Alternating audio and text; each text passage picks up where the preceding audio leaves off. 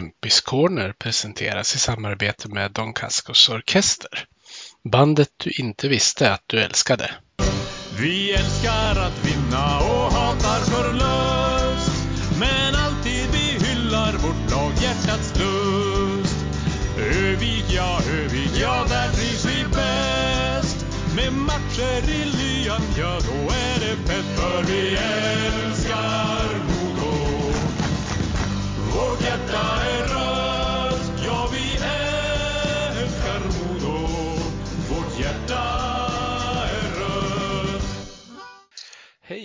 och välkomna ska ni vara till Kempis Corner med avsnitt 53 i ordningen har det blivit nu. Och eh, som min gäst i det här avsnittet så har jag med mig Modos nyförvärv Johan Södergran. Välkommen till podden Johan! Tack så jättemycket. Hur är läget? Ni är ju snart inför ett par hemmamatcher vet jag. Jo, men det, det är bra. Eh, Vi ligger först i serien här så att eh, det kan ju inte bli bättre. Eh, Så ja, riktigt laddat för imorgon också och kul att jag har dragit igång.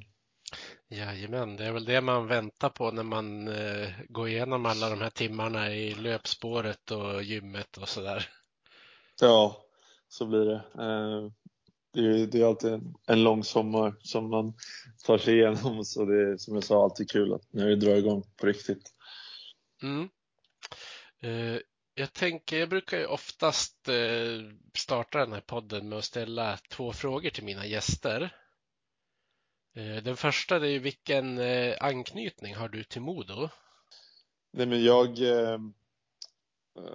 ja det är ju min första säsong här nu då och jag har inte varit i eh, Örnsköldsvik så många gånger innan. Det är Foppa Cup som jag spelade när jag var yngre som jag var med på och ja det är väl det, är väl det och eh, ja, jättebra förening och sådär eh, och jättekul att vara här. Mm. Eh, Vart har ni varit och spelat den kuppen då? Har det varit i eh, arenan som är idag eller har ni varit i någon av de mindre arenorna i Övik då? Eh, nej, det var, det var Modohallen eh, som vi spelade i. Och ehm, eh, jag kommer ihåg när jag var eh, när vi åkte dit och skulle träna i början av säsongen. Då hade inte jag varit där på väldigt länge så då fick jag väldigt eh, så här, eh, flashbacks från när vi spelade där. Eh, så att det, ja, det, vi har inte varit där så många gånger men vi var ju där lite under försäsongen. Mm. Hur länge sedan var det innan det då? Tiotal år sedan eller något sånt där? Ja, det väldigt länge sedan. Jag kommer inte riktigt ihåg. Nej, det har hänt en del sedan dess med andra ord. Ja. Eh, Jag tänker vi ska ta dig tillbaka liksom ända till barnsben. Kommer du ihåg hur gammal du var när du tog dina första skridskoskär och minns du var du började åka någonstans? Eh, jo, men det, det var på eh, Stockan, eh, Stockholms IP där jag är eh, uppvuxen i Stockholm, i Stocksund. Jag var ja, men typ eh, ja, fyra, tre, fyra bast liksom. Så att eh, man var inte gammal. Eh, eh ja, nej, jag kommer ihåg det som eh, man, ville, ju- man hade ju alltid så jäkla sug liksom. Man ville ju alltid gå på isen så fort man var eh, klar liksom. Ja. Eh, var det du själv som kände att du ville börja åka skridskor eller var det någon familjemedlem eller så som höll på med hockey så det blev liksom att du hamnade där på grund av det? Min eh, brorsa eh, spelade hockey fram tills han var 18. Eh, så att, eh, och sen har det alltid funnits ett eh, hockeyintresse i, i hela familjen. Ehm, så det kom ju lite automatiskt att jag skulle också spela hockey och sen så bodde vi också ganska nära arenan. Ehm, så ja, som, ja, det skedde liksom automatiskt och sen så tyckte jag det var extremt kul också. Mina flesta, flesta av mina kompisar tyckte, ehm, eh, spelade också. Så att ja, allt föll på plats liksom. Mm. Eh, höll du på med någon fler idrott när du var yngre? Vi hade ju eh, jag spelade fotboll ett tag eh, fram tills jag var 12 ungefär och sen så spelade jag eh, ja, det var, det, ja, just det. Jag spelade basket ett tag också. Eh, men inte alls länge. Utan eh, det var bara en kort eh, session där. Var det någon som försökte värva dig till basket för att de tyckte att du var lång eller hur kom det sig att du testade på det? Nej, det var, det var också en sån här kompisgrej. Typ, det var lite så här inne att lira basket och så eh, provade vi och provade att köra men jag tyckte inte det var så kul. Eller det var, det var ganska kul men det var lite eh, jag var otroligt liten och de här reglerna och det var mycket avblåsningar hela tiden och man ville ju bara köra liksom i den åldern så det blev inte så blev inte så mycket. Jag tror två månader max, tre kanske. Ja, just det. Ja. Ja, det är lite, lite annan, eh, annan sorts sport ändå än, än hockeyn är. Ja, jo, det blir ju så. Sen är det väl ungefär samma tid på året, så det kan jag tänka mig också gjorde att om du var mer intresserad av hockey så var det det som lockade mer. Absolut, det var det. Eh, men du har spelat med Stocksunds IF, eller hur? Var det ditt första lag? Ja, precis. Och, och sen slog, eh, slogs vi ihop med eh, Danderyd Enbyberg, så det var då det blev SDE. Ja, precis. Och det blev det väl eh, när jag var kanske ja, men 11 eh, någonting. Så då blev vi ju extremt många spelare och sådär, så det var lite annorlunda. Men ja,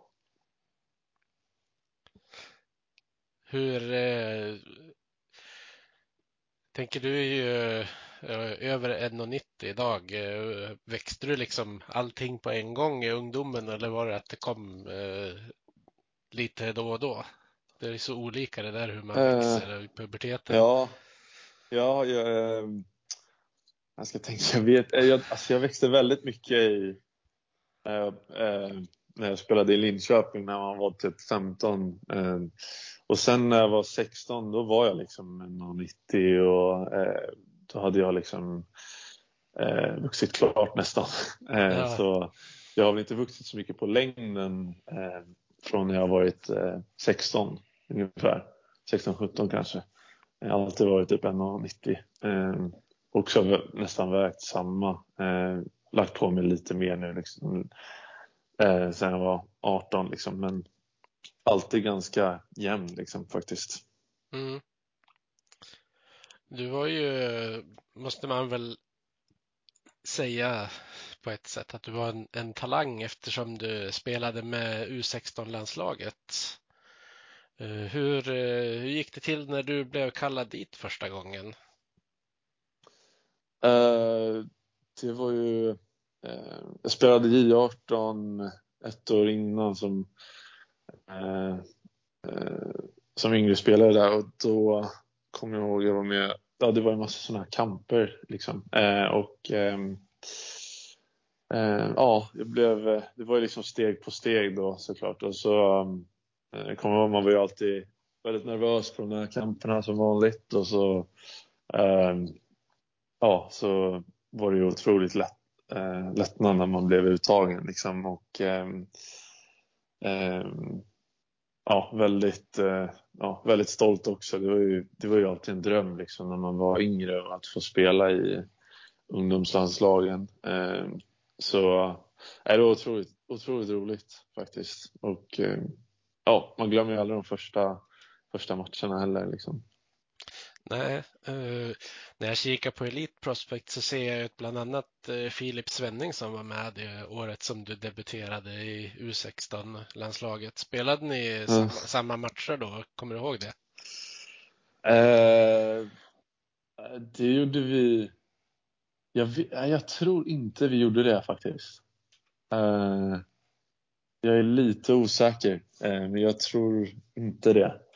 Eh, det, är, det är så länge sedan också. Ja, Men eh, jag kommer ihåg det var mot Finland alla matcher. Eh, men jag vet inte om han, jag tror inte han var med faktiskt. nej. Så att, ja.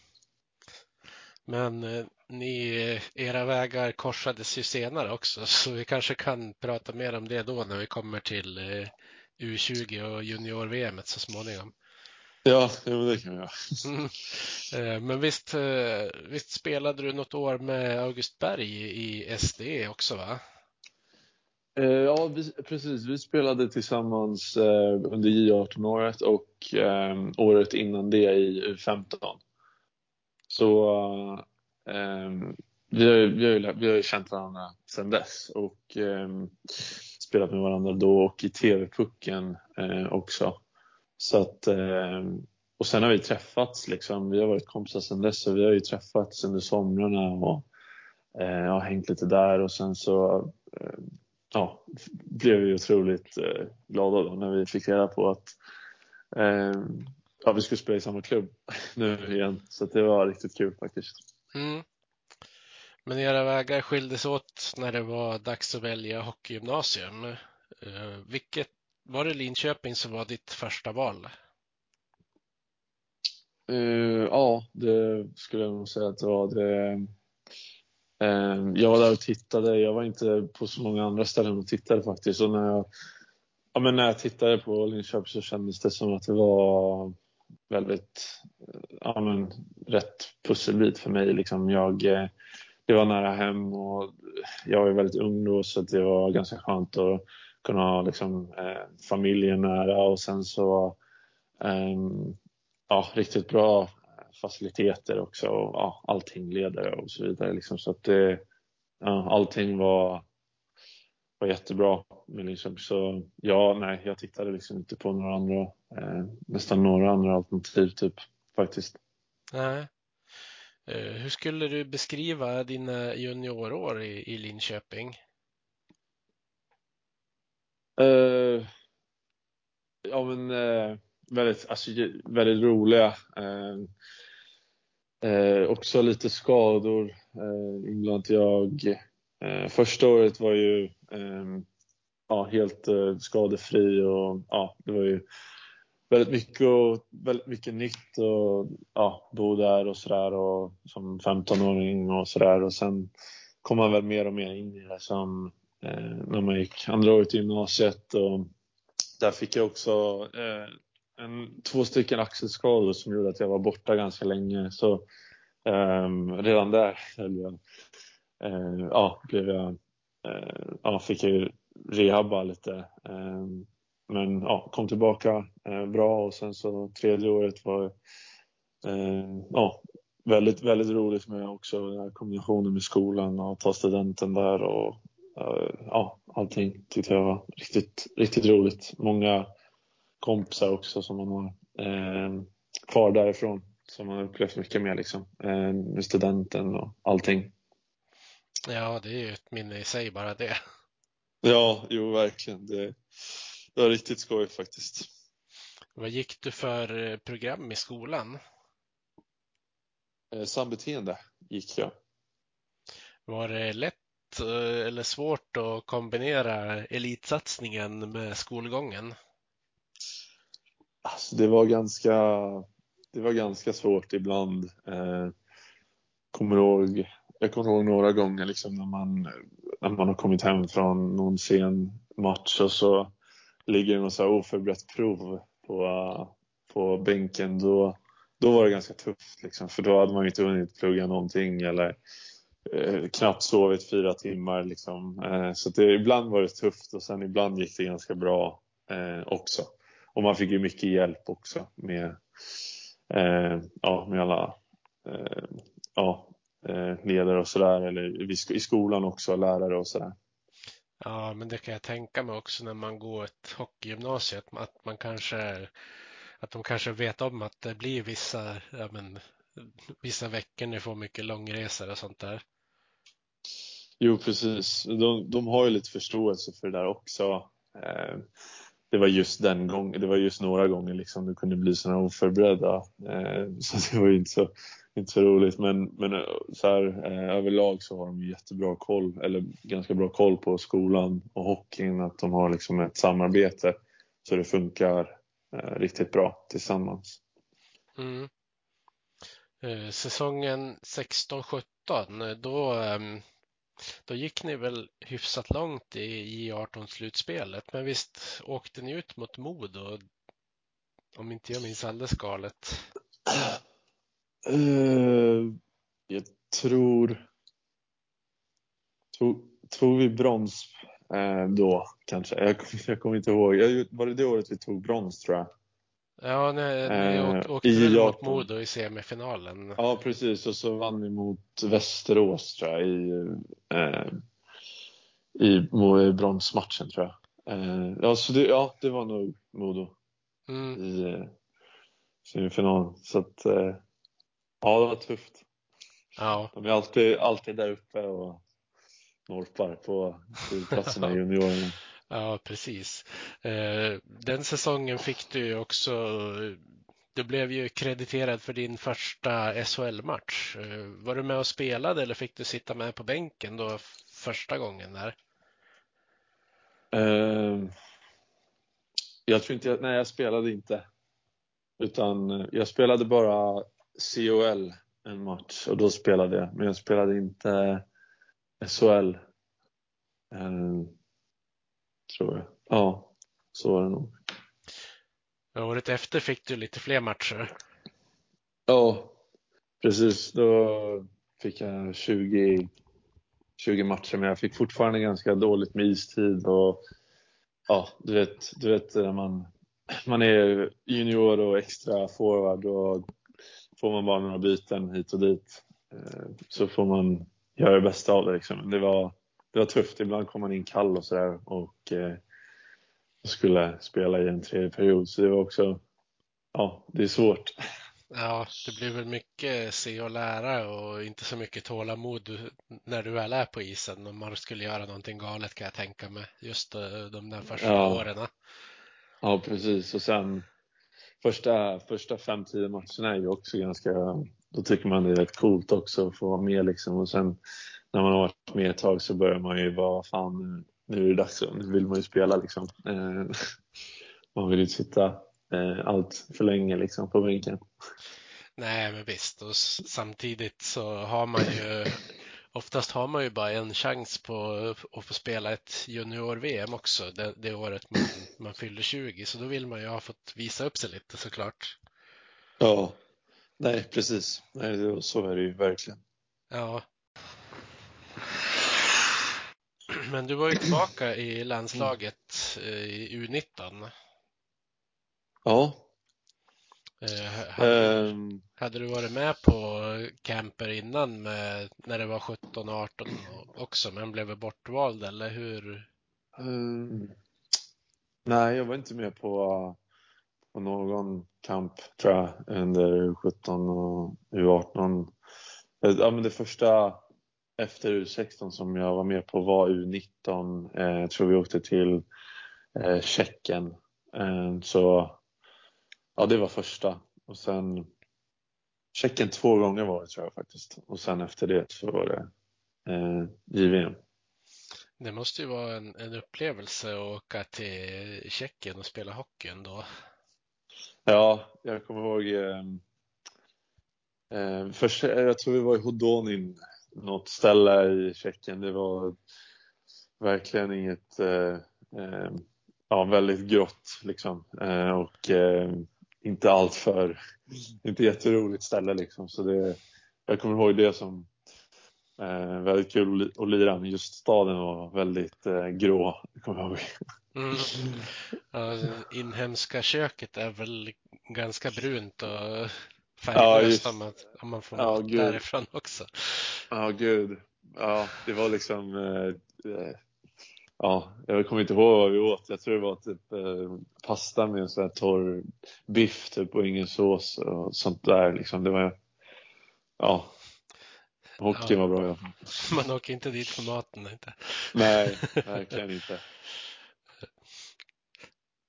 Men eh, det, det var ju det var ju ett gäng eh, duktiga spelare i, i den årskullen, 99orna ändå. Ja, ja. Det är väldigt många alltså. Det är väl, ja. Sverige är riktigt duktiga. så att säga. Få, Ja. få fram dem. Ja, men alla har tagit lite olika vägar i hockeykarriärerna sen om man sitter och kollar igenom. Det är lite roligt att se ändå. En del har, Ja. en del har gått direkt till NHL och en del har fått tag i vägen via Hockeyallsvenskan upp till SHL och en del har till och med spelat i Hockeyettan så det är lite ganska, ganska olika. Ja. Ja, det är det verkligen. Eh, sen eh, säsongen efter det, 18-19, då, då var du väl mer eller mindre ordinarie i SHL-laget va? Ja, precis. Det var... Eh, jag hade ju inte kontrakt från början utan då hade jag... Eh, då körde jag fortfarande på J20-kontrakt men sen så... Jag tror jag skrev på för Linköping i eh, eh oktober eller någonting, kanske november och sen eh, ja, signade jag signade där två år. Så att eh, ja, jag kommer ihåg man var väldigt spänd liksom under sommaren för man visste inte riktigt vad man skulle hamna om man skulle spela J20 eller om man skulle kanske bli utlånad till något lag eller eh, om man skulle ja, spela i Linköping då. Så det var, jag kommer ihåg det som lite, det var en väldigt oklar sommar liksom. Man visste liksom inte riktigt vad som väntade. Nej, det måste ju vara lite speciellt när man ändå är i det skedet av karriären som du var då. Ja, ja men precis. Det är ju det är väldigt eh, viktigt och speciellt liksom för att ta steget eh, upp till seniornivå vart man än går. Liksom. Det är, alltså, som du sa, alla har ju egna vägar. Liksom. Så att, eh, det blir alltid liksom, när man ska sticka ut efter hockeygymnasiet så blir det alltid lite spänt. Liksom. Man vet inte, man är alltid lite nervös. Ja, det, alla vågar väl inte ha is i magen eh, den sommaren heller kan jag tänka mig. Nej, nej, det blir. Ja, det är, det är lite... Ja, det är väl en, man får väl ha, ta lite, man får ha tålamod liksom och, och bara lita på processen och så får man eh, ja, bara köra på så kommer det lösa sig liksom, får man väl tänka. Ja. Men det gick ju Mm. rätt, rätt bra för dig ändå att vänta in det där. Ja, det, jag kom in, kom in eh, grymt där med eh, Olle eh, Lycksell som jag spelade tillsammans med eh, då. Ehm, eh, vi två kom ju upp, han kom upp lite tidigare och så kom vi upp där och spelade tillsammans och ja, det gick riktigt bra några, några matcher där, så det var, det var riktigt kul faktiskt. Ja, minns du vilka du gjorde ditt första SHL-mål emot? Ehm, det var mot Timrå i, ehm, jag tror det var första matchen faktiskt, i eh, serien. Så ehm, Jag är i premiären va? Till och med. eh, ja, jag tror det. Ja, Eller tänk, tänkte du första eh, seniormål eller tänkte du första? nej jag tänkte första, Ehm, första SHL-målet där. Jaha, ja, jo men det var, det var då, precis. Ja, ja, men nu när du säger det så har jag något minne av att jag har hört det, men ja, det var, det var något år sedan. Precis. Det var, ja, det var lite länge, länge sedan. Ja, det känns inte som det är så länge sedan med tanke på att du Nej. är så pass ung, men det hinner passera några år ändå. Ja. Ja, så länge sedan är det inte. Det, ja, det beror på hur man, hur man tänker liksom. Ja. Det, det är ändå, det är inte igår liksom. Nej, nej precis.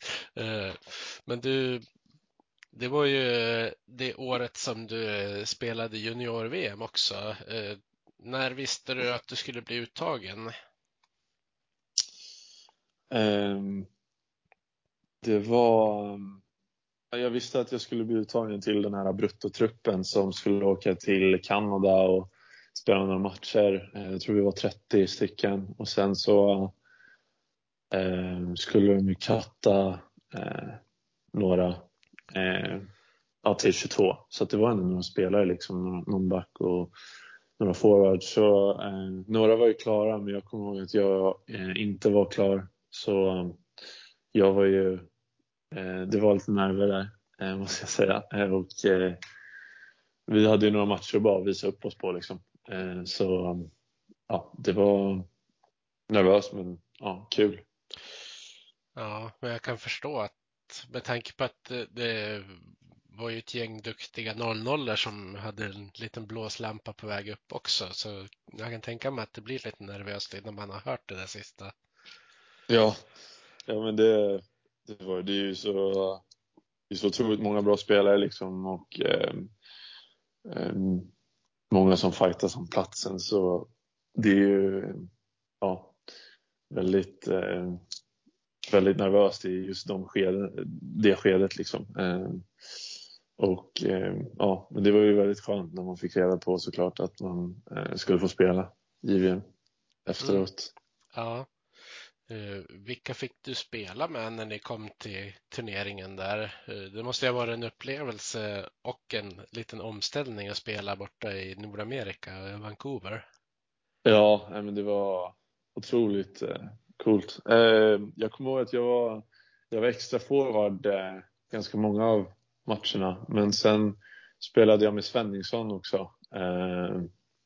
Kommer jag ihåg. Svenningsson och kommer inte riktigt ihåg vem som var center. Eh, om det var kanske Oskar Bäck eller någon. Jag vet inte riktigt men eh, jag kommer också ihåg att några matcher fick jag eh, göra liksom inhopp eh, som extra forward. Eh, så att, men eh, ja, hela hela atmosfären. Det var ju jättecoolt och som du sa var i, i Vancouver som är en sån eh, eh, hockeyintresserad eh, eh, stad liksom. Eh, det var jätte, jättecoolt och eh, ja, många bra fans också. Mycket, många bra publik på matcherna var det och verkligen eh, bra inramning. Ja, och Emil Bemström fick väl ett litet genombrott den där turneringen också. Ja, han var ju jag tror han var en av våra toppspelare liksom. Och, eh, ja, vi hade ju så grymt många bra spelare som nu spelar i NHL också. Och, eh, inte på tal om backarna som typ alla spelar nästan i NHL tror jag. Ja. Så det är, ja, det är ett riktigt bra lag liksom. Ja visst. Men det vart lite antiklimax eh, hur turneringen slutade för er. Ja, nej det man vill ju nästan inte tänka på det eh, ett tag framåt där. Man fick ju, ja det var ju otroligt jobbigt liksom. Um, um, men precis med det laget som vi hade också så tyckte vi alla och alla förväntade oss också eh, av oss att vi skulle ta oss eh, vidare och liksom, i alla fall ta en bronspeng. Liksom. Så det var ju ja, antiklimax. ja. Efter att ha vunnit gruppen och kraschat ut mot Schweiz så där, det är ju ja, ja sånt, nej, sånt det... man gärna glömma. Ja, just mot Schweiz också att eh, det är liksom det är Schweiz, det är inte Ryssland eller eh, Finland eller något annat eh, bra liksom topp fyra nationers lag utan det, det är liksom inte, det är ett lag som vi alltid ska slå. Ja. Men det är historia nu. ja, det är inte så mycket att göra. Nej, får väl hoppas att du får chansen att ta revansch mot Schweiz någon dag. Precis, får jag hoppas. Mm. Eh, men du hade ju blivit draftad av eh, Los Angeles och sen eh, skrev du väl även kontrakt eftersom du var borta i Ontario och spelade. Mm. Eh, hur, eh, hur fick du reda på först och främst att du hade blivit tingad? Ehm, det var ju verkligen, jag blev draftad i sjätte rundan så det var ju liksom eh, skulle jag bli draftad eller inte liksom. Det var ju verkligen ingen garanti så jag åkte ju verkligen inte på draften eller någonting utan jag var hemma bara med min familj och sen så följde jag bara draften på datorn och ja, agenten hade ju sagt liksom förväntar ingenting och sådär.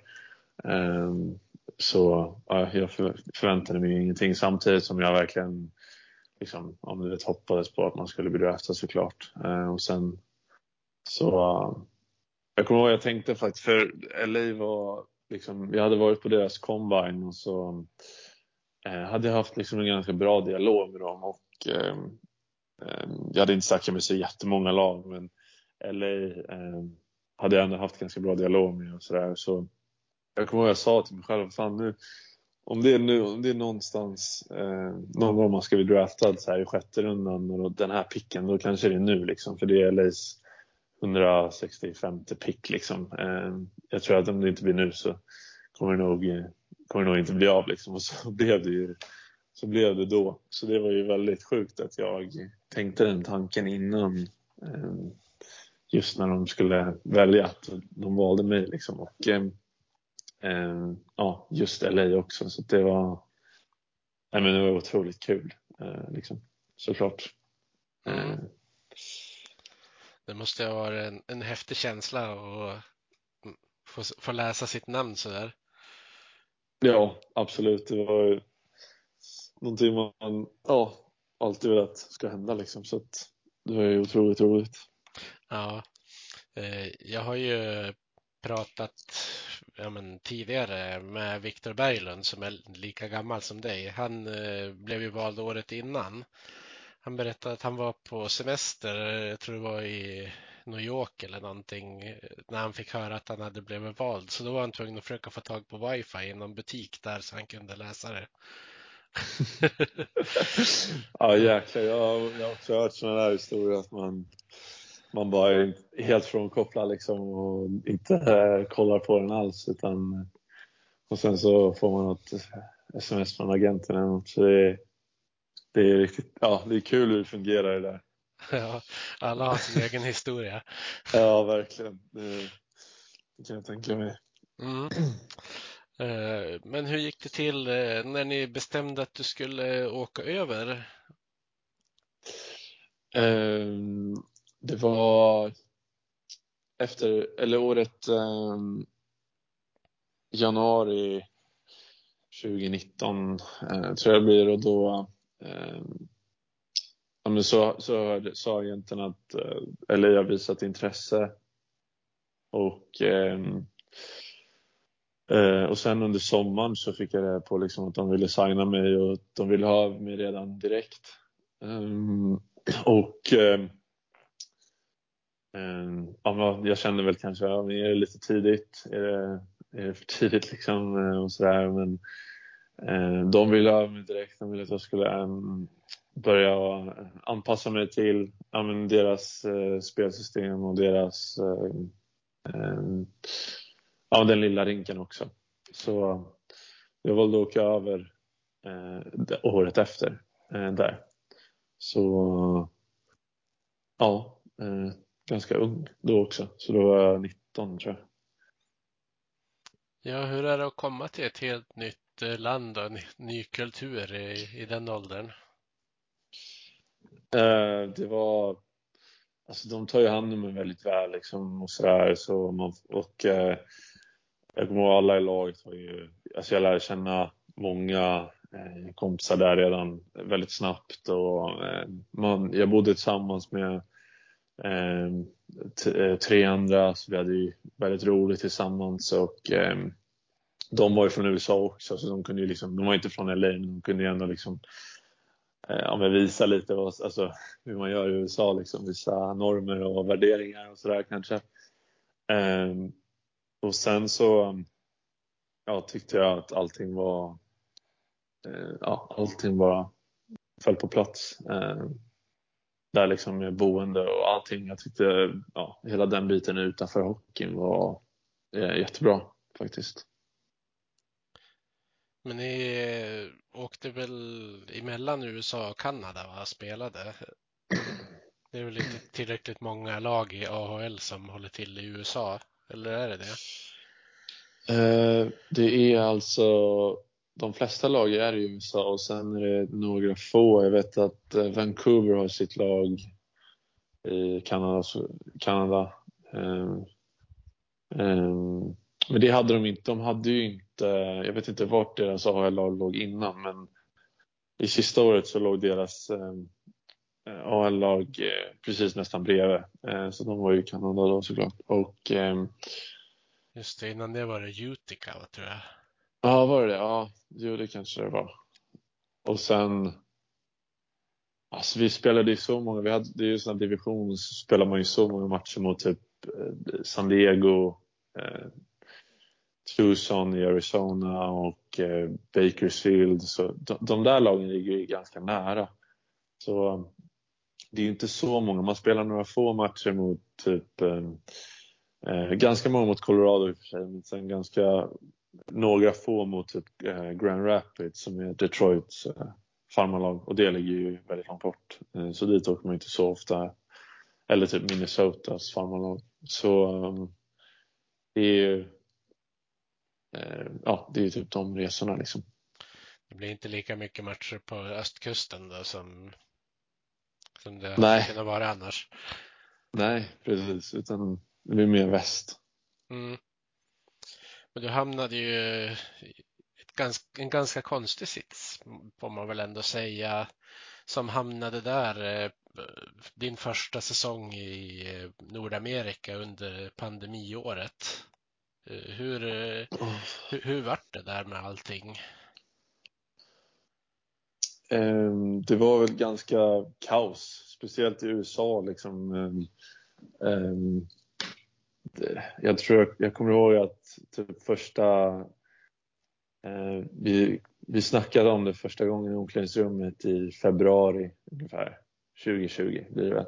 Eh, och, eh, och bara kort efter det i mars så ställde vi in hela säsongen och eh, alla fick åka hem. Och, ehm, ehm, och sen så var ju inte jag riktigt där när det bara blev värre och värre och värre. Men hela från liksom mars till eh, tills jag kom tillbaka i typ januari nästa år var ju kaos i USA och speciellt med ja, det var ju, det blev ju lite kollision där med det här Black Lives Matter och eh, eh covid.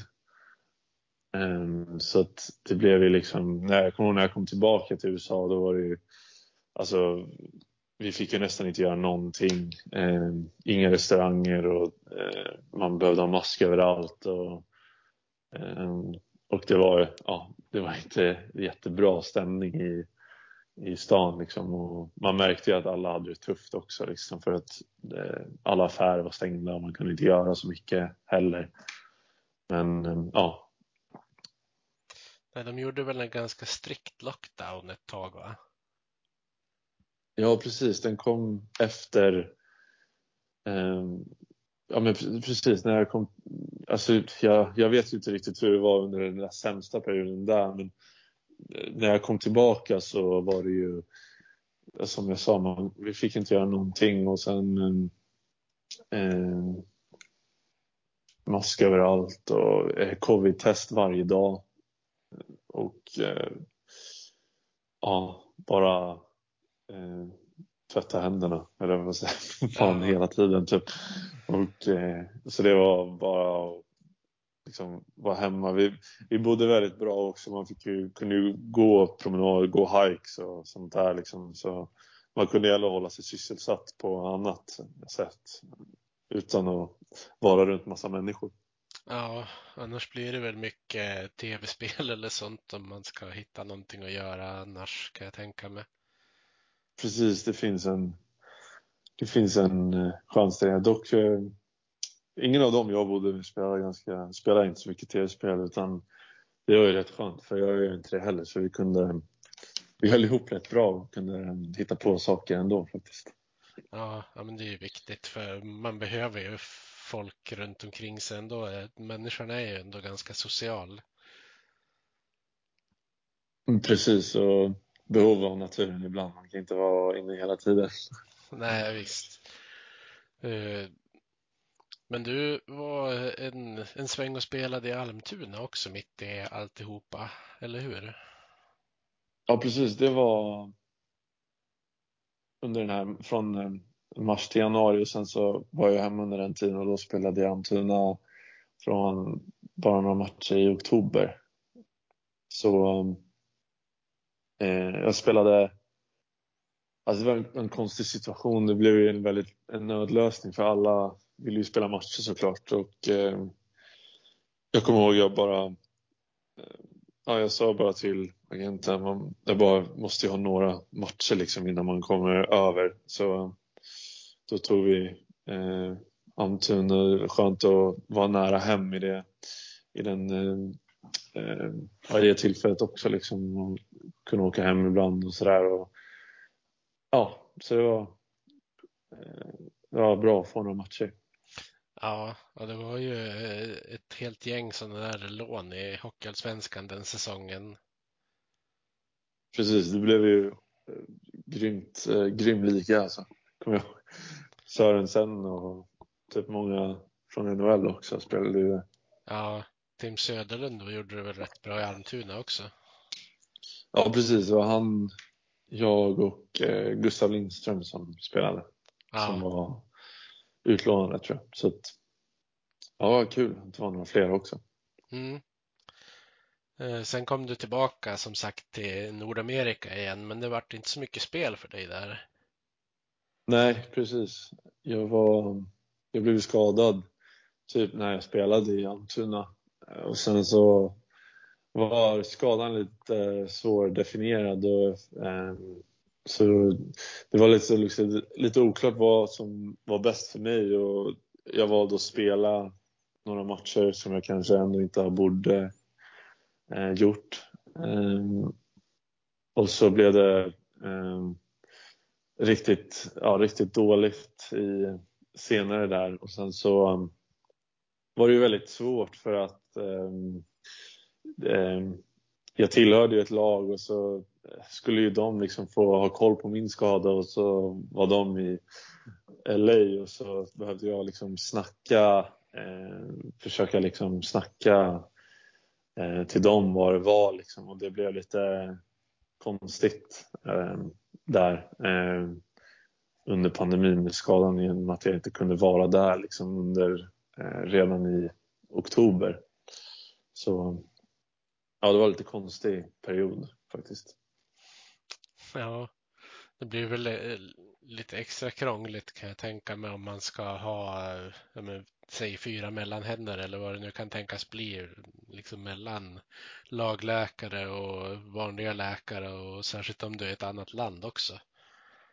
Ja, eh, precis. Eh, och ehm, de är ju, de är ju väldigt ehm, ehm, ja, jag vet inte riktigt. Det var ju väldigt svårt liksom, och, som jag sa att säga vad det var. Liksom, och, Ehm, vi hade det lite tufft här hemma, eller i Almtuna också, identifiera vad det exakt var som var felet. Liksom. Så ja, väldigt konstigt blev det. Ja, eh, hur slutade det med den här skadan? Då fick du göra någon operation eller eh, hur kom ni fram till vad du skulle ha för behandling?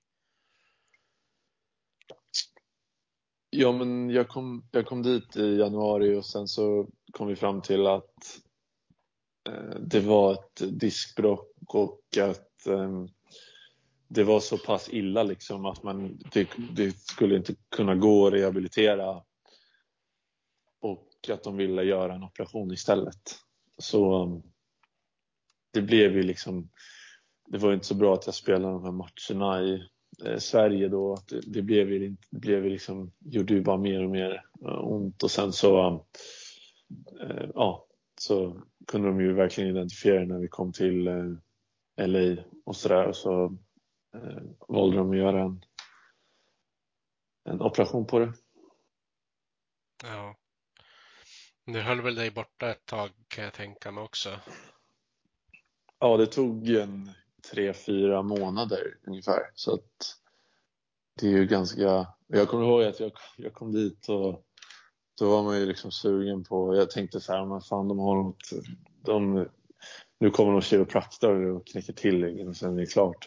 Och sen så fick jag reda på att, eh, att, operation, att det skulle bli en operation och att det skulle ta fyra månader och hela säsongen var Eh, ja, eh, ja, i stort sett bara borta liksom. Så ja, det kommer att vara så jäkla jobbigt och ja, vara irriterande också liksom för det, man hade ju kunnat göra den tidigare operationen men för pandemin och sådär så var det ju ingen som var i LA av spelarna under den tiden så de ville ju liksom inte ha ja så det var, det var väldigt konstigt. Mm. Frustrerande kan jag tänka mig också. Ja, jo men verkligen. Verkligen frustrerande. Ja, det är ändå, eh, ändå ditt yrke att spela hockey så då förstår jag när man blir att man hamnar liksom utanför och kunna göra det man, man vill egentligen så då... Ja, jo exakt. Det, var, det, ja, det är annorlunda om man har det som, eh, om man har det som eh, ja, något andrahandsjobb eller vad man säger och så gör man något annat på sidan. Liksom. Ja. Men var det jobbigt psykiskt när du hamnade i den sitsen också? Ja, alltså det var. Jag kommer ihåg att det var lite jobbigt för jag hade haft ett ganska dåligt första år med ganska liksom lite, ja men lite poäng och så här, lite speltid och sådär. Så man ville ju liksom eh, göra en bra säsong och så fick man reda på att man skulle göra operation vilket var väldigt eh, jobbigt såklart och, och att hela säsongen skulle eh, ja, bli liksom, gå bort på det det var ju jätte, ja, var ju tufft liksom. Och, eh, så det var ju lite jobbigt psykiskt såklart. Att, ja, nu har jag bara ett år kvar på mig att visa upp mig liksom. Eh, vilket, men om man tänker positivt så var det ändå skönt att jag hade ett år till. Så ja, Ja, man kan ju hamna i den sitsen att man inte har något kontrakt med någon alls och har en sån där skada och inte vet om det är någon som kommer våga ta chansen att signa med en sen också. Såklart. Ja, precis. Man får, du tänker lite positivt också liksom. Men jag förstår eh, när man har ett treårigt rookie-kontrakt där borta och man märker att det kommer fler och fler som har blivit draftad något år efter och så där och går före i kön om man kan kalla det för det. Ja. Det blir det. är ju också ett lag som har extremt många eh, många draft eh, eller många prospects liksom. Så det var ja, det är otrolig konkurrens också. Ja. Eh, men det, det, hela slutade sen med att du fick spela i tyska ligan. Hur, eh, hur hamnade du där? Ja, det, det var ingenting jag hade kunnat eh, jag hade kunnat förutse innan säsongen direkt att jag skulle avsluta i Tyskland, men det var... Jag kom tillbaka eh, säsong 21, 22 tror jag och så gick det bra och eh, Eh, gjorde några matcher med Ontario och sen så fick jag en smäll och så var jag borta med hjärnskakning i tre månader ungefär. Så det var liksom en väldigt tung hjärnskakning och jag hade problem med ögonen eh, som gjorde att jag liksom inte, min vision var helt, eh, ja, inte alls bra. Och, eh, så det gjorde att jag missade ungefär 20 matcher och sen när jag skulle komma tillbaka så hade jag väldigt tufft att ta plats igen liksom för jag hade otroligt bra lag liksom och eh, då kände jag så här, men nu kanske ändå det är liksom kört för skulle jag liksom, om jag inte platsar här eh, så tänkte jag bara, men vad, eh, då kanske det inte finns någon idé. Då är det bäst för mig att hitta någonstans där jag kan få, kan få speltid liksom. Och eh, ja, så började vi snacka och ja, jag tror deadlinen för Sverige hade redan gått också. Ehm, så då nämnde agenten Tyskland och Berlin och jag kunde ju äh, i princip typ ingenting om eh, så här, hockeyn där liksom. Och, ehm, kände ingen heller och ingen svensk i laget men eh, eh, jag surrade lite med att de, de jag pratade med sa att det var en otroligt rolig liga att spela i med otroligt bra fans. Och, så ja, jag kommer ihåg att då åkte jag bara över för jag tyckte att ja, men där kanske jag får ja, lite mer speltid än här. Liksom. Och det är det jag behöver för jag tror ändå inte jag kommer ja, ha chans att slå mig in liksom. Så att, eh, det var väl att jag tänkte lite mer realistiskt och vad som var bäst för mig liksom istället för att liksom stanna kvar och kämpa för någonting som jag tror var ganska långt borta. Ja. Men eh, du kom ju till ett lag med en kanadensisk coach. Eh, det kanske gjorde det lite lättare med någon som pratar bra engelska ändå än om det hade varit en tysk tränare. Absolut, han var han var alla, alltså det var ju nästan tio stycken som var kanadensare i Berlin. Så det var ju verkligen så här ett eh, nordamerikanskt eh, och amerikaner och så här nordamerikanskt eh, lag. Liksom. Det var väldigt, eh, alltså i omklädningsrummet så var det, var väldigt likt liksom, det i Ontario som vi hade. Eh, så det tyckte jag var väldigt eh, nice. Sen var det, ju, det var ju många tyskar också för den delen, men det, det, fanns, det fanns liksom den här nordamerikanska eh, eh, stilen kvar. Både på isen tycker jag och också framförallt utanför i omklädningsrummet med tanke på coachen också. Så det var kul. Jaha, och så gick ni hela vägen till att bli tyska mästare. Hur, hur, hur var det att uppleva? Ja, det var Ja, det var, det var ju otroligt roligt eh, såklart. Många jag tyckte ligan var väldigt liksom ojämn. Typ att eh, många, alltså de, de sämre lagen var kanske inte så bra medan de lagen vi mötte i slutspelet var typ SHL bra liksom. Så att spela de matcherna var otroligt roligt. Och sen, eh, och sen eh, publiken som vi hade på matcherna. Vi hade ju typ eh, ett snitt på typ 14 000 varje match. Det var ju liksom någonting som jag inte hade upplevt tidigare med en otrolig klack liksom. Så det var verkligen, verkligen någonting som man inte kommer glömma. Nej, och vinna det... också var ju, ja, allt firande efteråt och, och någon, ja, det är som sagt eh, minne för livet. Var det avgörande på hemmaplan eller bortaplan? Det var på bortaplan tyvärr och eh, vi hade chansen att vinna i, hemma i eh, Mercedes eh, arena men ja, vi fuckade. Så det var, det var lite synd också för jag kommer ihåg att vår arena tar typ 15 000 och deras tog typ 7 så det var inte riktigt, det var ju bra tryck på deras match men det hade ju varit kul att vinna hemma såklart liksom. Ja, och lite fler människor som hejar på er än på andra laget också. Precis, sen hade ju vi det var ju, ja, det var ju nästan en halv eh, långsida som hade kommit från Berlin och hejade på oss. Det var ju också väldigt eh, bra stöd från deras sida. Mm. Ja, det är väl en, en väldigt häftig upplevelse att ha med sig och ha varit borta i Tyskland och vunnit alltihop till och med. Ja, verkligen. Det är ju lite annan, annan hockeykultur där liksom. Eh, och och så det var väldigt roligt att och bara få, jag var inte med länge, men ändå få toucha liksom och se hur, hur det är att spela där och sådär. Och, ja, som en bonus också att få vinna guld liksom. Ja, det måste ju ändå eh, vara ett bra land att vinna i, för jag kan tänka mig att ölen flödar rätt bra i Tyskland. Jo, det gör det. Absolut. Och, uh, ja, faktiskt inte sett något liknande under matcherna. Mm.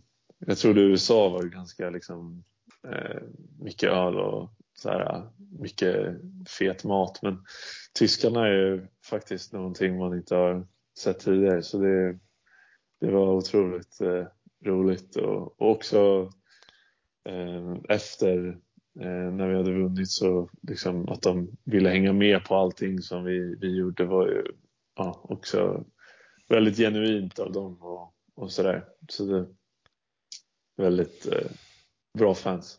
Ja. Stark i kroppen. Du har ju ingen femma så att vi tar det. Oh, bra överlämning. Södergran, ja det är mål! Har du sett? Södergran! Drömstart, Modo! Uppsatt i alla fall i laguppställningen som börjar snurra. Och det är en överlämning där och en överlappning som jag gillar när man kommer uppifrån högt som hög trea. Kommer in Just den lilla förflyttningen in till skottet Södergran tar. Då har vi hållit på att prata en, en, en helt okej lång stund utan att ens nämna Modohockey. Hur, eh, hur kom Modo upp på tapeten för dig? Eh, det, det, var... Det var... Det var väl jag också och agenten som kände att eh, nu, så, nu så har vi liksom rushat lite kanske eh, saker och ting. Jag, det här med Tyskland var ju otroligt roligt. Och, eh, men jag kände liksom att jag behöver en, en lite bättre grund kanske. Uh, som jag kan, som jag kan liksom utgå ifrån där jag eh, ja, men får speltid liksom och, och få, framförallt få, få spela många matcher för jag har inte spelat så många matcher på sistone. Eh, förra säsongen spelade inte så många ändå, eh, så jag skulle vilja liksom känna på igen hur det är att spela många matcher och få in eh, men, träna på liksom att bli jämn hela tiden. Och då kände jag väl att Modo var eh, ja, men topplag i allsvenskan och eh, men liksom ett klassiskt lag och otroligt eh, proffsiga liksom och väldigt bra förutsättningar för att för att lyckas och eh, bra faciliteter här måste jag säga. Så, eh, och de visade intresse redan eh, förra året efter när de tänkte att jag skulle bort från Ontario så då kände jag men det är ett lag som verkligen vill ha mig också. Så eh, det var så jag kände och då landade det på Modo. Eh, vad hade du för bild av Modo som förening innan? För då eh, hade du ju inte varit, ja men förutom eh, den här sessionen i Almtuna så hade du ju inte varit i Sverige på några år, just hockeymässigt då såklart. Nej, alltså jag, jag, jag hörde att de gick, att de gick tufft i, i några, några år, att de var liksom nära på att kvala ner till och med. Och sen så kollade jag, följde jag lite förra året och då var de ju nära på att kvala upp liksom. Och, och eh, att de var på uppgång och ja, fick, eh, fick liksom en bra känsla liksom att nu är de ändå där. Inte där vi ska vara i SHL men ändå liksom på väg upp.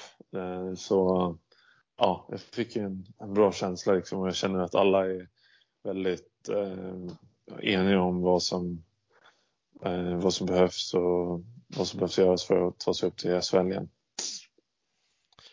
Eh, hur är det att komma in som en ny spelare i en eh, grupp som eh, ändå är ganska samma som det var i fjol? Det är ju några utbytta såklart, det är ju svårt att komma ifrån, men ändå är ju största delen av stommen från i fjol kvar. Ja, men det blir ju att man får, man får lära sig mycket av de som var här i fjol för ja, men som, med tanke på typ spelsystem och, eh, och eh, ja, men, ja, men allting i princip. Liksom. De har ju varit här ett år så de, det blir alltid så att man lär sig av de som har varit här längre. Så, um, och man märker ju också att de är, de är väldigt samspelade, eh, de som var här förra året. Liksom, och, Eh, har väldigt bra kemi så det är ju bara liksom att försöka, lära, ja, försöka, försöka lära sig av dem. Liksom. Ja. Eh, du kom ju in i, eh, i försäsongen och eh, då, då, fick du väl hoppa runt lite grann i kedjeformationerna tänker jag på i försäsongsmatcherna där. Ja, jo, det, jag hoppade runt lite. Jag tror jag spelade med två olika kedjor, ja tre kanske till och med. Så ja, jag hoppade runt lite. Så ja. det blev eh, både med de som jag spelar med nu och Adam och sen så med Erik och sen med eh, Riley också. Ja, precis. Eh, det var väl någon match som du spelade med Woods och Marenis, va? om jag inte tänker galet. Ja, precis. Det var mot eh, Löven borta tror jag, spelade med dem. Ja. Uh, har det varit svårt då eh, att hitta den rollen du vill ha? Det är ju ganska olika spelartyper att spela med. Tänkte du, ehm, tänkte du spela med Riley och, eller tänkte du med dem jag spelar med nu? Jag tänkte just det där med att du har flutit runt mellan några olika kedjor där. Du, får ju ta lite olika, ja. lite olika roller på isen då, så du måste väl vara ganska anpassningsbar tänker jag en sån gång. Jo, jo men så, så blir det och sen, sen nu har jag spelat med Adam och Malmberg typ hela varje match så, så just nu så har det varit ganska enkelt men under försäsongen så var det också väldigt mycket att lära. Så det var, det var väl bara liksom ut och, ut och köra och liksom misstag kommer ju ske liksom och i bågar och sådär under försäsongen så det blir ju lite annorlunda eh, då. Eh, men ja, det är såklart att det underlättar om man, om man spelar liksom med, med samma, man, man kan surra mycket och sådär. Men det är också bra att vara anpassningsbar. Eh, så man kan, ibland så skiftar man ju om liksom. Ja, visst. Eh, det är ju oftast en nödvändighet under en längre säsong också att man kan hoppa emellan lite grann. Absolut. Ja, jo, det, det kommer ju säkert ske förändringar också. Det brukar ju alltid göra det så. Ja, är det inte någon som är skadad så är det någon som är avstängd och någon behöver kliva upp ett snäpp och så vidare. Absolut, ja, det sker alltid något. Ja. Hur eh, tycker du spelet i Hockeyallsvenskan är om du jämför med den sessionen du var i Tyskland? Ehm, jag skulle säga att den är ganska, inte helt lika. Eh, I Tyskland är det, det är ganska likt i Nordamerika i Tyskland att det är mycket eh, nord-syd hela tiden, att det går liksom rakt fram. Eh, pucken ska alltid rakt fram och mittzonen ska bara transporteras. Liksom. Eh, här tycker jag det är ganska mycket mer eh, att man spelar sidleds och att liksom inte mindre skills men att tempot kan dras ner lite liksom, med tanke på att pucken går sidleds. I, I Tyskland kan det bli så att det bara går framåt liksom att, eh, att allt ska vara så snabbt liksom. Eh, så det är väl den största eh, ja, olikheten som jag har sett eh, på, på ligorna än så länge. Och sen, ja. Uh, hur, uh, hur trivs du i Övik och, och i Modo än så länge? Jo, men det, jag tycker att det är en jättetrevlig stad. Det är, eh, jag har ju varit ute lite i vid, eh, där det är känt i, vid Höga Kusten här under, eh, under sommaren, lite under försäsongen och sådär. Så det, det, är otroligt, det har varit riktigt coolt och sen så är det kul att det är en väldigt hockeyintresserad stad liksom. Så um, nej, jag trivs jättebra och alla, alla är jättesköna i laget och trivs jättebra med, med, med allting i princip. Så att eh, jag är jättenöjd, verkligen. Eh, vad, eh, vad tycker du har, har funkat bäst respektive minst bra för din egen del så här i inledningen? Um, jag tycker att uh, jag tror jag kan jag tror jag kan uh, kanske producera ännu mer och jag tror att vi har en växel till som jag inte riktigt har lagt i än. Som jag hoppas på eh, ja, jag hoppas på att kunna producera mer och såklart och eh, hjälpa laget liksom. Det vill man ju alltid. Och sen så um, eh, Sen tycker jag dock att ehm, jag redan har utvecklats eh, mycket på vissa grejer här och eh, som jag sa förut så finns det ju eh, väldigt bra förutsättningar liksom att, att göra det. Vi har liksom extra is varje dag och, så man kan få jobba på sina saker. Eh, så nej, jag, jag skulle vilja eh, producera mer såklart och skapa mer och, och sådär och det hoppas jag komma. Mm. Är det lättare att ha tålamod med sitt eget spel när det går bra för laget? Jo, men det blir det ju. Det, liksom om vi hade legat typ sist så hade man ju verkligen, um, då hade man ju verkligen fått lite Ja, det blir lite som en annan grej. Nu, nu ligger vi ju etta så liksom det är ju det, är det som spelar roll. Och, eh, att vi, liksom, vi tar poäng och vi, vi spelar bra. Vi, vi hade det tufft mot Löven men eh, vi har ju spelat bra innan dess. Så, eh, så att det är klart att eh, så länge det går bra så, så, så här, då är det bara att jobba på och så, och så, kommer, så kommer det där snart. Ja. Eh, vilken, eller det här kanske är den tråkigaste frågan ni kan få, men enligt dig själv, vilka är dina största styrkor som ishockeyspelare? Ja, eh, skridskoåkning och eh, utmanare mot den och, och skott skulle jag säga. Eh, sen är det, sen är det många grejer man vill bli bättre på som man försöker göra liksom varje dag. Och, eh, men eh, ja, det är väl de tre grejerna som jag tycker att eh, symboliserar mig bäst. Mm. Ehm, vad, vad vill du bidra med i årets Modo? Om man tänker eh, både på isen och utanför. Jag vill vara, jag vill vara komplett liksom. Jag vill jobba bra i alla tre zoner och sen så vill jag också bidra med att, att kunna producera mer eh, och liksom göra fler mål helt enkelt och, och eh, hjälpa laget på, på så sätt. Um, och sen utanför isen så um, ja, bara, bara vara en bra kille och uh, ja, jobba hårt och ha en bra attityd. Liksom. Mm. Eh, tänker på nu, eh, det, det, är alltid det färskaste folk pratar om, så jag efterlyste ju lite supporterfrågor. Då har det ju handlat en del om den match mot Björklöven senast. Eh, eh, även någon som drar en parallell med, med BIK Karlskoga sen. Att vad, vad krävs för att spela mot lag som dem för att ni ska kunna vara lite mer rejäla på isen? Jag tror att eh Alltså, vi behöver bli mer...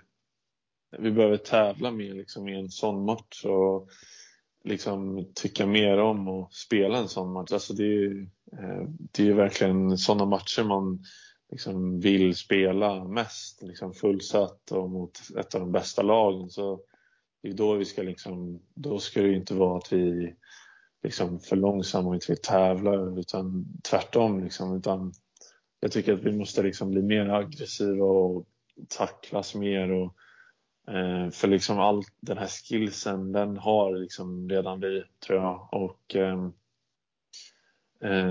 det är liksom mer det här eh, att vi inte ska tumma på saker och ting utan fortsätta åka skridskor och försöka hårt och inte ta saker för givet. Och sen så kommer liksom vårt spel eh, komma. Eh, liksom jobba från en grund tror jag blir viktigt och sen så um, för, för, vi har ju liksom, jag tror vi har, vi har ju mest skills i hela allsvenskan så det, det, det är liksom, det är inte jag eh, ja, alls tveksam över så det är väl de sakerna. Mm. Eh, det kommer dröja ända till 26 eh, oktober innan ni möter Västervik första gången. Eh, där har du ju en gammal lagpolare som har gjort succé än så länge i Brickley. Är du förvånad mm. att det har gått så pass bra för honom? Ja, jag är förvånad att, att han började spela här faktiskt. Jag hade ingen aning om att han... Jag visste det för typ två veckor sedan. Då fick jag reda på det. Och Ja, jag, eh, jag spelade med han förra, för förra året tror jag. Ehm, och ja, jag menar han är ju, han har ju spelat i NHL liksom så mm, jag är inte förvånad att han går in där och slukar minuter och eh, ja, levererar. Så han är ju otrolig, han är en väldigt bra tvåvägsback så ja, jag ska inte säga att jag är förvånad. Nej, du får kanske om det blir aktuellt med att Västervik säljer av spelare så får du väl tjata på Gradin och tala om att han ska ta in honom. Ja, precis. Jag hoppades på att, hade jag vetat att han var intresserad av att spela i Sverige så hade jag, då hade jag redan gjort det. Men jag, det kom lite som en chock faktiskt när han, när han signade i, Väst, i Sverige och i Västervik av alla lag. Ja, visst. Ja, de har ju en historia av att lyckas med sina nordamerikanska värvningar så Ja, de har det. Ja. Jag har också hört det. De, ja. ja. det är bra värvning. Ja. Men nu den här veckan så har ni ju hemmamatch mot Tingsryd och hemmamatch mot KIK på fredag. Det ju, blir ju två ganska skilda matcher. Tingsryd ligger ju lite längre ner och Kristianstad ligger uppe i toppen. Eh, hur förbereder ni er för de matcherna? Ehm, jag tror att det är viktigt för oss nu att efter Björklöven-matchen liksom studsa tillbaka och, och få, en, få en riktigt bra start och eh, eh, jobba, jobba hårt och, och liksom eh, åka mycket skridskor så tror jag det kommer tror jag vi kan liksom åka sönder Tingsryd i princip. Så jag tror det kommer gå, kommer gå bra. Bara vi följer, våran, följer vårt spelsystem och sådär så kommer det gå grymt. Ja. Och sen Kristianstad, är, de har ju gått grymt i serien nu så det här gäller ju att, att liksom, ja, samma grej liksom. Eh, och inte tumma på något och eh, ja, men ha respekt för dem. De är ett bra lag också så att Ja. Ja visst. Och jag kan tänka med Tingsryd så lär väl eh, både tränaren Fredrik Glader och förra årets Modokapten Daniel Sylvander visa att de, de inte kommer för att ta noll poäng. Nej, det kan jag, det kan jag tänka mig. Men eh, jag tror det blir tufft för dem. ja, vi får hoppas på det i alla fall. Ja, det tror jag. Eh, jag har några frågor här från en som heter Marcus Forsberg. Eh, han undrar, du, du har varit i olika klubbar i olika länder. Tycker du att Modo är lik någon av dem? Eh, svår. Jag, eh, alltså, det här med att liksom, vi har ju grymma fans här och, eh, och eh, alla är ju verkligen liksom ja, men, grymma eh, och genuina och eh, liksom stöttar. Eh, och det märker man i hela staden. Eh, det, det kan man ju kanske känna igen sig lite över i Berlin, att det var liksom med fansen. Sen staden i jämförelse kan vi inte göra, men eh, alltså själva, själva fansen, att det liksom ändå finns ett otroligt intresse i, i själva staden här och det gjorde det i Berlin också. Så det, det skulle man kunna det är väl den jämförelsen som man skulle kunna dra, tror jag. Mm. Eh, han undrar också om du har hunnit fått något favoritcafé i stan? Ja, Lund... Eh, vad fasen heter det? Lundgrens kanske? Lundbergs bröd. Lundgrens kanske? Jag vet inte. Mm. de som lyssnar lär väl veta vilket du menar i alla fall. Ja, det tror jag. Det ligger på Nygatan i alla fall. Så att... Ja. Då kanske de ser dig där någon gång. Där. Ja. För de, ja, jag brukar vara där och äta bullar ibland. Så. Ja. Eh, hur är stämningen i omklädningsrummet då? Eh, väldigt glad, alla glada och eh, ja, jag tycker att eh, det är ja, det är bra snack och eh, man vill det är man vill komma dit varje dag liksom och då, då är det ett tecken på att man vill man vill åka till träningarna också. Eh, så att det är, ja, alla grabbar är suveräna och ja, schyssta och, också schyssta mot de som är nyförvärv och liksom, ja, men, visa vägen lite och sådär. Inte bara på isen utanför också liksom med lite käk, bra restauranger och sådär också. Så det är grymt. Ja, jag är inte förvånad. Jag såg ju Ja, men jag var ju där när Riley Woods kom och han gick direkt fram och hälsade på alla som inte var med i fjol till exempel. Ja, precis. Ja, men sån grej typ jätte... Det är ju viktigt och jäkligt grymt. Ja. Uh, hur uh, tror du att uh, det kommer att utveckla sig för om, om det nu blir du och Pettersson och Manberg som får fortsätta spela, tror du att ni har hittat rollerna ni vill ha tillsammans på isen nu när ni har haft några matcher på er? Jag tror vi har lite mer potential, eller i alla fall från mig, jag har, det finns lite mer att hämta liksom och eh, jag hoppas kunna bidra lite mer till kedjan och sen så tror jag också desto längre säsongen kommer gå, desto mer samspelta kommer vi bli. Och eh, vi jobbar på det varje dag. Och liksom, båda de två är ju lite äldre och har spelat, spelat på hög nivå länge och är väldigt rutinerade. Och, eh, ja. de, jag kan ju, eh. kan ju till och med säga att de var ju rumskompisar i Brynäs i fjol innan Manberg bytte lag om du inte hade koll på det. Så de, de känner nog varandra ganska bra sedan tidigare. Ja, ja men det är därför de hamnar bredvid varandra i omklädningsrummet då också. Ja, det kan det säkert vara. jo, men det, man märker att de, de är bra, bra polare. Ja. Så att, eh, nej men det, som jag sa, det kommer bli, det kommer bli grymt. De är ju väldigt bra, bra, väldigt bra på att kommunicera också liksom. Och, alltid varje dag om saker som kan bli bättre och sämre, liksom. eller som kan bli bättre. Liksom. Mm. Eh, sista fråga eh, innan vi avrundar. Du har ju valt nummer 38. Jag har ju sett att du har haft det i Linköping också. Eh, är det någon historia bakom det eller är det bara något som har blivit? Nej, det är nog bara för jag hade det. Alltså jag hade ju det i juniortiden, så jag hade ju ändå det numret i fyra år. Så det, det är väl lite historia, men det är, väl, det är väl därför som jag valde det. Och sen så fanns inte alla nummer heller. Eh, man vill ju inte vara den som går in och bara tar liksom. Nej. Eller hur?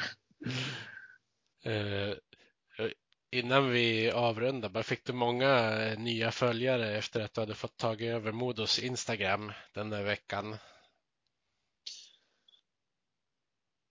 Ja, jag fick nog några, hund, ja, några hundra nya följare. Så det var, man, märkte ju, man märkte ju att folk är insatta i Modo hockey och jag hoppas att eh, jag kunde vara en gnutta intressant. Jag var lite nervös över det där förut eh, ja, jag visste inte. Jag hade, gjort, jag hade gjort något liknande tidigare så um, jag hoppas att de tyckte att det var en bra vecka i alla fall. Ja, du fick väl en del kommentarer i alla fall. Ja, precis. Men det var alla frågor som jag hade till dig Johan, så jag får ställa, eh, säga ett stort tack för att du ställde upp. Det var jättekul att ha dig med. Ja, tack så jättemycket för att jag fick vara med. Det var jätteskoj. Vi hejar på Modo, rödvit och grön. Klubben i hjärtat, en känsla så skön. Övik, ja, Övik, ja, där trivs vi bäst. Med matcher i lyan, ja, då är det fest. För vi älskar